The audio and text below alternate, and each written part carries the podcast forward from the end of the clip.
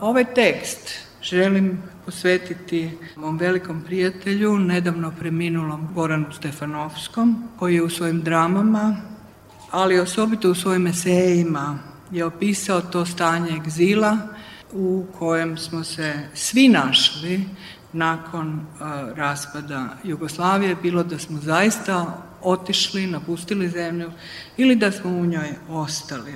Svi su se nakon pada Berlinskog zida 1989. veselili. Samo su se budale dvije godine kasnije veselile podizanju zidova. Te budale bili su Hrvati, Srbi i svi drugi redom. Priča o Šeherezadi jedna je od najokrutnijih priča o ljepoti važnosti i vitalnosti umjetničkog iskaza. Ona govori o odnosu umjetnika i vlasti, sugerirajući da je sam stvaralački čin ujedno i čin otpora. Ona zatim pronosi poruku da nema autentičnog umjetničkog čina bez osobnog rizika. Iako jedna od najstarijih Legenda o Šeherezadi teško da će biti uvrštena u korpus tekstova o umjetničkom otporu. Možda zato jer u srcu te metafore stoji žena koja pričajući priče spašava vlastiti život, ali i živote budućih žrtvi mizoginog šahrijarha.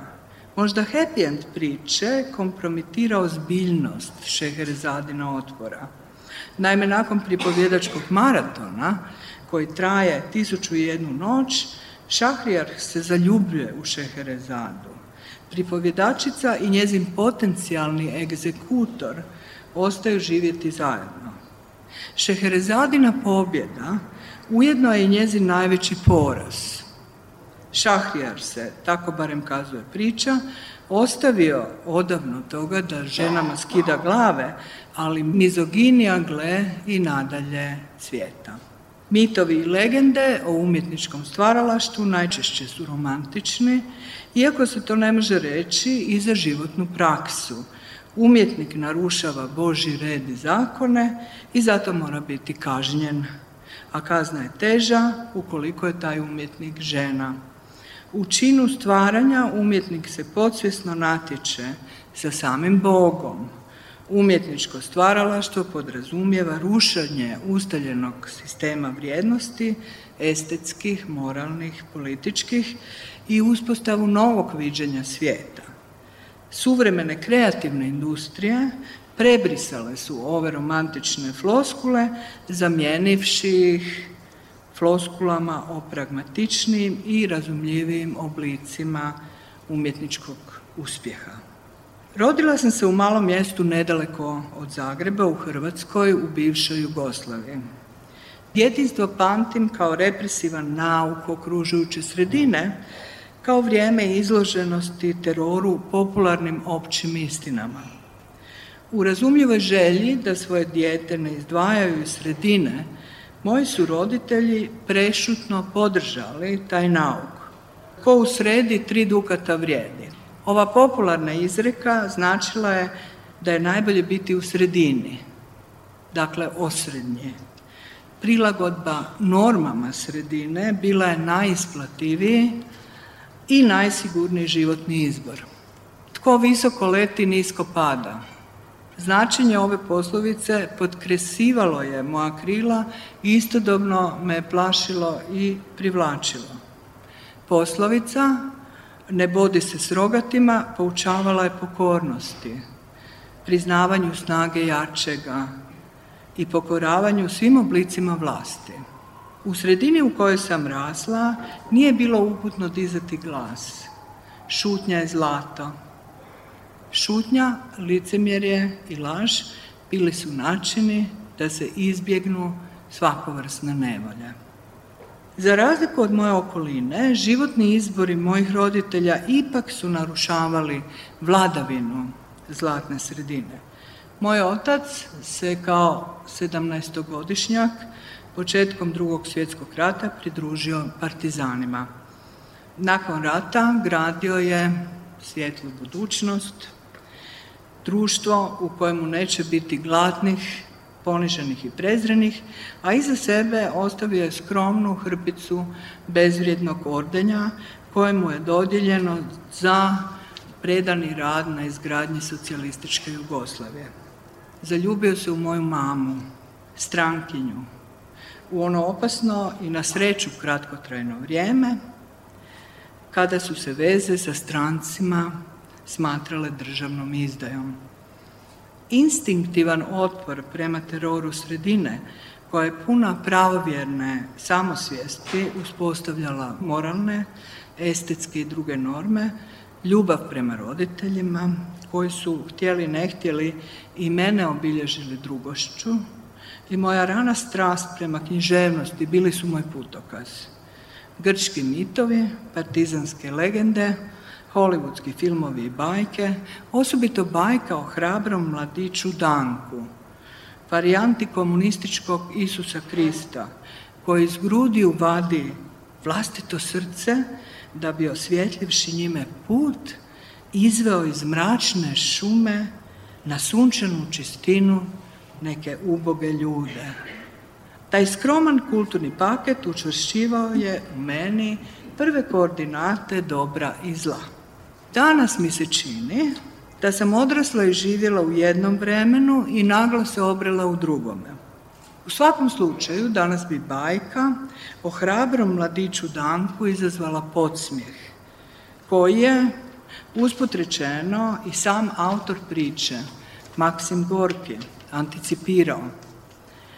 Naime, čim je bio izašao na sunčanu čistinu, neki je podmukao od lica, zgazio Dankovo pulsirajuće srce kao žabu. Kulturu srca odavno je istisnula kultura novca. Istine koje smo poznavali srušene su i zamijenjene novima. Samo u maloj Hrvatskoj gdje sam rođena srušeno je ili devastirano 3000 spomenika podignutih u znak sjećanja na jugoslavenski pokret otpora na partizane. Danas vojske nekvalificiranih povjesničara rade na brisanju antifašističke povijesti i ozakonjenju drugačijih povijesnih verzija. Poljski institut nacionalnog pamćenja, na primjer, s brojnim maljevim zaposlenicima radi na tome da ukloni svaku krivicu s kolektivne savjesti poljskih građana, s nacionalne povijesti i iz povijesnih udžbenika poljsko sudstvo stavljeno je pod potpunu kontrolu vlade, a poljski senat odobrio je takozvani zakon holokausta. Ti koji koriste sintagmu poljski logori smrti moći će biti sudski gonjeni, kažu. Jer na okupiranom poljskom tlu bili su podignuti nacistički logori smrti s kojima nevini Poljaci nisu imali baš nikakve veze. I u Hrvatskoj, kao i u Srbiji, Mnogi marljivo rade na tome da se zločinci, oni iz drugog svjetskog rata i ovi novi iz protekloga rata, beatificiraju da se lopovi i pljačkaši oslobode optužbi, da se Jasenovac koncentracioni logor gdje su lokalni nacisti Ustaše ubijali domaće židove, Srbe i Rome, proglasi radnim logorom u kojemu su nakon završetka drugog svjetskog rata zli komunisti pobili zatvorenike, ne bili krivicu svalili na nevine Hrvate. Danas u srcu Europe u Bosni i Hercegovini djeca idu u etnički podijeljene razrede, u hrvatske, srpske i bosanske. Uče istu povijest i isti jezik iz posve različitih udžbenika. Vijesti o mnogim sličnim praksama cure iz Mađarske, Bugarske, Grčke, Litve, Češke, Slovačke, Makedonije, s evropskog juga i sjevera, s evropskog istoka i zapada i spajaju se u ponovnicu koja polako, ali sigurno podriva ideološke i etičke temelje na kojima počiva Europa, ta koja je nikla na ruševinama drugog svjetskog rata. Moju pokojnu mamu, cijel život, progonile su slike koje je vidjela 46. godine, putujući vlakom iz Sofije preko juga Srbije i Beograda prema Zagrebu. Sve je bilo srušeno govorila bi s uvijek istom nevjericom i uvijek istim uzdahom. Uz tu rečenicu nisu bile priložene slike i ja nisam bila u stanju zamisliti realnost koju je ta rečenica opisivala. Danas, dvadesetak godina nakon protekloga rata, i naziv se umeđu vremenu uspio ukorijeniti u jeziku, da, protekli rat, 1991. 95. Danas dakle čini se da znam, Već 20 godina živim u ruševinama. Pa ipak popis šteta do danas nitko nije uspostavio. Koliko je ljudi ubijeno, koliko ih je nestalo, koliko raseljeno, koliko ih je ekonomski uništeno, koliko je kuća srušeno, koliko je tvornica uništeno, koliko željezničkih pruga, cesta, bolnica, crkava, škola, spomenika, koliko je knjiga spaljeno. Nitko nije ispostavio račun. Vlasti u većini bivših jugoslavenskih državica ne zanima ni jedno ni drugo. Ni ispostava računa, niti obnova. Njih zanima održavanje statusa quo. Hibernacija stanja između rata i mira između devastacije i obnove. Njih zapravo zanima proces urušavanja, slow motion. Zato u ostalom sudski procesi traju godinama. Zato se kuće, do duše, obnavljaju, ali konačno useljenje odlaže se godinama, uvijek nešto ključno nedostaje. Krov, vrata, prozorje. Zato se reforme najavljuju, ali se ne sprovode. Zato se ratni zločinci, Ubojice kradljevci ne osuđuju. A ako je dobiju kazne, ne završavaju u zatvoru. Zato je život u ruševinama proces, stanje koje traje. Jer samo tako, ti koji su rušenje izazvali, ti koji su ga podržali, ti koji baš ništa nisu učinili da ga spriječe, mogu opstati. Ti ljudi kao da i nisu ljudi. Oni su sastavni dijelići mašine uništenja, mašine samouništenja. U čemu je privlačnost fašizma i njegovih brojnih oblika koji danas natapaju Europu kao tinta suhu bugačicu? Privlačnost leži u tome da za fašizam ne treba kvalifikacija, ni garancija, niti potvrda o specifičnom obrazovanju i znanju. Privlačnost fašizma leži u grupi istih takvih kakvi smo sami, u prihvaćanju, u nasilju koje jedna grupa vrši na drugom, u lako induciranom osjećaju da smo bolji od drugih, da smo konačno bolji. Te da biti bolji, gle, ne zahtjeva puno, puno tek istu krvnu grupu i spremnost na nasilje nad onima koji je nemaju. U Vodicama, u turističkom mjestu na Jadranskom moru, Krajem mjeseca travnja ove godine hrvatski dragovoljci ili sudionici protekloga rata brutalno su uništili cvjetni nasad u mjesnom parku. Hrabrim hrvatskim braniteljima pričinilo se naime da cvjetni nasad ima provokativan oblik agresorske petokroke. Crvena petokraka, komunistički simbol, djeluje na hrvatski šivalj kao muleta na bikove. Cvjetni aranžman prikazivao je, tako tvrdi gradonačelnica, cvijet s pet latica, a ne na petokraku zvijezdu. Krajem listopada ove godine zagrebački fotograf Robert Bojević postavio je na glavnoj aleji u Zagrebačkom parku Maksimir izložbu od 12 uvečanih fotografija Izložba je bila omaž Ivanu Stanglu, zagrebačkom fotografu koji je prvi ovjekovječio Maksimir. Izložba je trebala putovati po drugim hrvatskim parkovima. Fotografije su samo nekoliko sati nakon postavljanja iskasapljene. Nekoliko dana kasnije, početkom novembra ove godine, splitski pijanac ostrvio se na rijedak preostao spomenik ikoni partizanskog pokreta Radi Končaru.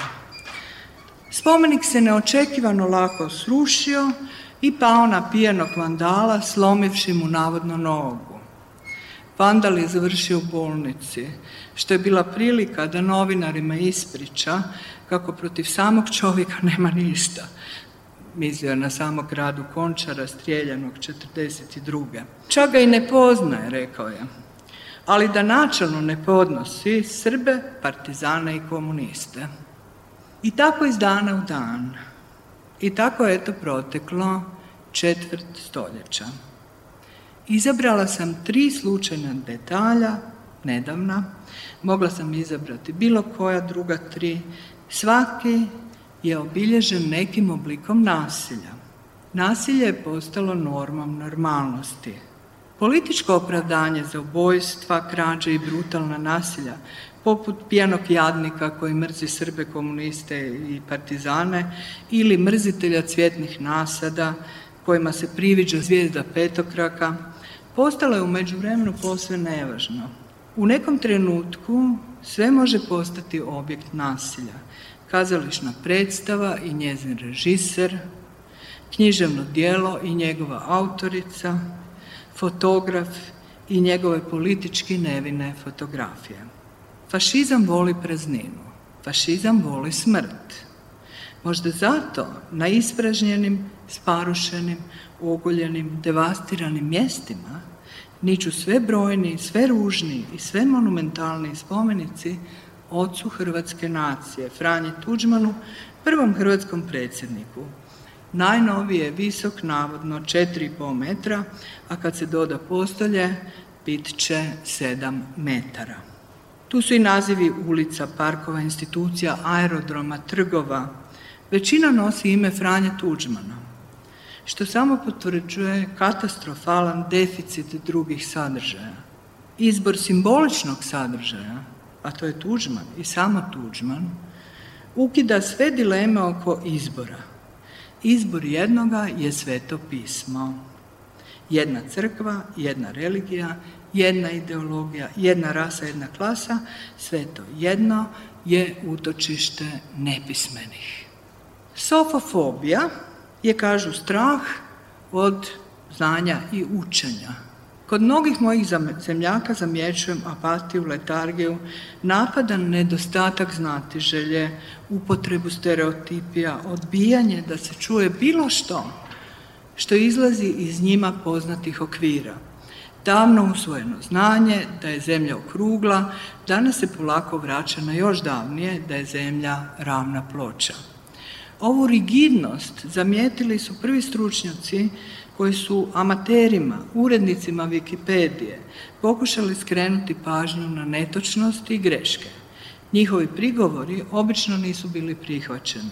Anonimne neznalice koje su se dočepale moćnog internetskog teritorija obično bi ostajale uporne u svome neznanju i kontroli tog neznanja, iako su u početku tvrdile suprot.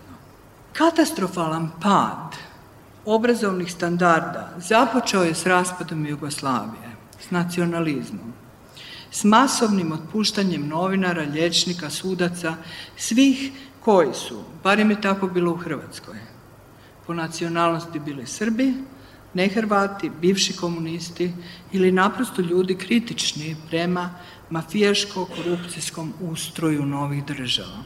Pad svih standarda krenuo je s nepotizmom, s ogromnom moći crkve, sa zakonom prema kojemu prednost prilikom zapošljavanju imaju Hrvati, dragovoljci, djeca dragovoljaca i rodoljubi, a ne dakle stručnjaci.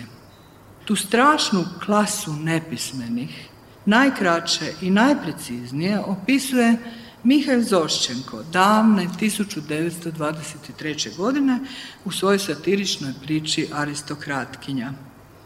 Grigori Ivanić je kućepazitelj, vodoinstalater, koji opisuje svoju kratku i neuspješnu vezu s jednom aristokratkinjom koju vodi na kazališnu predstavu. Zoščenko ismijava brojnu klasu ljudi koja je s revolucijom donijela i revolucionarni populizam.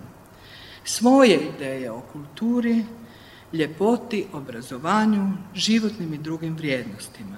Svaki puta kada vidim tu novu post-jugoslavensku fašističku klasu koja je odjevena u brendiranu odjeću, dobrano poljepšana kozmetičkim intervencijama, s pudlicama koje obavezno vodi po kazališnim premijerama, prisutna na svim modnim revijama, kazališnim premijerama, otvaranjima izložbi, u medijima, u rubrikama slavnih. Kada vidim predstavnike te klase, kako suvereno ocjenjuju kazališne predstave, knjige, izložbe, sjetim se Grigorija Ivanovića i njegove replike. Ako ženska nosi šeširić na glavi, ako na nogama ima najlonke ili ako nosi muf, ili ima zlatan zub. Takva aristokratkinja i nije ženska, ona je ništa. U Zagrebu je u listopadu 2018. otvorena izložba Arheologija otpora, otkrivanje zbirki kulturne opozicije u socijalističkoj Hrvatskoj. Izložba je ostvarena u suradnji Hrvatskog instituta za povijest – i Hrvatskog državnog arhiva, a u sklopu europskog projekta Kuraž, što bi trebala, kažu, biti kratica za kulturna opozicija, razumijevanje kulturne baštine, neslaganja u bivšim socijalističkim državama. Na listi participanata projekta Kuraž su Budimpešta s najviše svojih znanstvenih institucija, čak tri, što nekako nagovještava da će, ako dođe do općeg potopa, samo mađarska verzija povijesti ostati prava, jer će Mađarska biti u statističkoj prednosti nad ostalima. Tu su zatim Vilnius, Prag, Bukurešt, Zagreb, Bratislava, te fakultetske institucije iz Oksforda, Dublina i Regensburga. Projekt je izdašno financirala Europska zajednica. Kustosi izložbe bili su vođeni velikom idejom da je svaki otpor naprosto otpor, te da je opozicija naprosto opozicija, te da sve totalitarizme treba izjednačiti, što je usput rečeno najagresivnija, najgluplja i najlažljivija ideološka floskula u postjugoslavenskoj ideološkoj zoni i šire. Ovakav pristup promovira ideju da je ljudska povijest hrpa smeća na kojoj će se i onako svi naći. Citiram, emigranti, vjernici, disidenti, praksisovci, omladinci, umjetnice, feministice, cenzori, ideolozi udbaši. Jer u konačnici smo svi isti, dobri i loši, i pravi i krivi, i Hitler i Isus Krist. Svaki je otpor prema tomu besmislen jer svi ćemo završiti kao hrpa kostiju koju će netko od budućih ideologa nastojati pomiriti. Zanimljivo je da katolička crkva, najjača institucija u Hrvata, nije uložila protest u vezi činjenice da je njezina ikona, biskup Alojzije Stepinac, koji je podržao ustaški režim, danas na istoj hrpi historijskog otpada s Tomom Gotovcem, hrvatskim konceptualnim umjetnikom koji se u svojim performansima volio skidati gol i ljubiti zagrebački asfalt. Ovaj nas vremenski najsvježiji primjer hrvatskog povijesnog revizionizma, čija je strategija uporna destigmatizacija Ustaškog pokreta, Ustaške nezavisne države Hrvatske i njezina zloglasnog lidera Ante Pavelića, negiranje postojanja nacističkih logora u Hrvatskoj kao i negiranje zločina koje su Hrvati činili za vrijeme proteklog rata, vraća unazad u drugo vrijeme i drugi geografski prostor. Akcija napada na Amsterdamse Bevolkingsregister 1943 koja je imala za cilj uništenje popisa građana prema kojima bi nacisti mogli identificirati židove, ostala je ugravirana u kolektivno sjećanje nizozemaca kao svijetao primjer otpora nacističkom teroru. Grupa umjetnika založila je vlastitu glavu kako bi spasila živote svojih sugrađana. Postoji da kako i ona druga paralelna tamna povijest, povijest kolaboracije. Slučaj Frank ujedinjuje obe povijesti, svjetlu i tamnu. Ana Frank je priča o otporu, ali i priča o izdaji. Na sajtu Muzeja otpora, Fersets muzeum, u Amsterdamu posjetioca dočekuje nedvosmisleno pitanje na nekoliko jezika. Nacistička Njemačka okupirala je Holandiju što ćete vi učiniti? I tri mogućnosti, tri odgovora, tri tipke na koje posjetioci mogu pritisnuti. Anpassen, medun, verzeten. Adapt, collaborate, resist. Prilagoditi se, surađivati, pružiti odbor. Kad je 1991. započeo rat u rasklemanoj Jugoslaviji, ja sam kliknula na nevidljivu tipku pružiti otpor. Bio je to osoban, možda nepromišljen, ali svakako autentičan otpor gluposti i lažima. Protest protiv onih brojnih sramnih strategija kojima su budući pljačkaši i ubojice nastojali uvjeriti građane Jugoslavije da je rat nužnost i da drugih opcija osim bratoubilaštva nema. Nekoliko godina kasnije, kad sam se napustivši svoju zemlju, obrela u Nizozemskoj, netko je, neka mi ovdje slušalci oproste, na neoprostivom skliznuću u samosažaljivu samohvalu. Prepoznao moju gestu otpora i nagradio me nagradom Ferzet Price 1997 koja je tada još postojala, a u znak sjećanja na holandske umjetnike koji su u vrijeme nacizma dali svoje živote za obranu ljudskog dostojanstva svoga i svojih sugrađana. Ova neočekivana nizozemska dobrodošlica natjerala me da raspakiram kofere i u nizozemskoj zasnujem svoj drugi dom. Nagrada, nažalost, više ne postoji. Ja sam njezina zadnja dobitnica. Sada znam da se te zamišljene tipke pritišću impulzivno. Kao što znam i to da većina ljudi u svim povijesnim konstelacijama najčešće izabira tipku prilagoditi se. Pobjeđuje instinkt preživljavanja, a preživljavanje, kažu, garantira prilagodba. Zanemariva manjina pritisnuće tipku frzete. Uvjerena sam da inteligencija, edukatori, profesori, umjetnici, književnici, znanstvenici, novinari i mnogi drugi, bira hoće li se prilagoditi, hoće li surađivati ili će otvorenom, kamufliranom i svakovrsnom drugom teroru pružiti otpor. Te tri tipke, prilagodba, suradnja i otpor, određuju kulturu u kojoj živimo političku, književnu, umjetničku, obrazovnu, medijsku kulturu svakidašnjeg života. Kao i to kakva će ta kultura biti sutra. Pritom, bukvalno, bukvalno sutra. Tu kulturu, suočeni s njome, kao s vlastitim licem u ogledalu, bivši Jugosloveni žive već punih četvrt stoljeća ali joj još uvijek nisu uspjeli smisliti ime. U politički manje osjedljivim vremenima ta bi se kultura možda zvala postfašističkom ili neofašističkom. Danas uz punu svijest i odgovornost misleće demokratske većine, ona se najčešće označava kao populistička.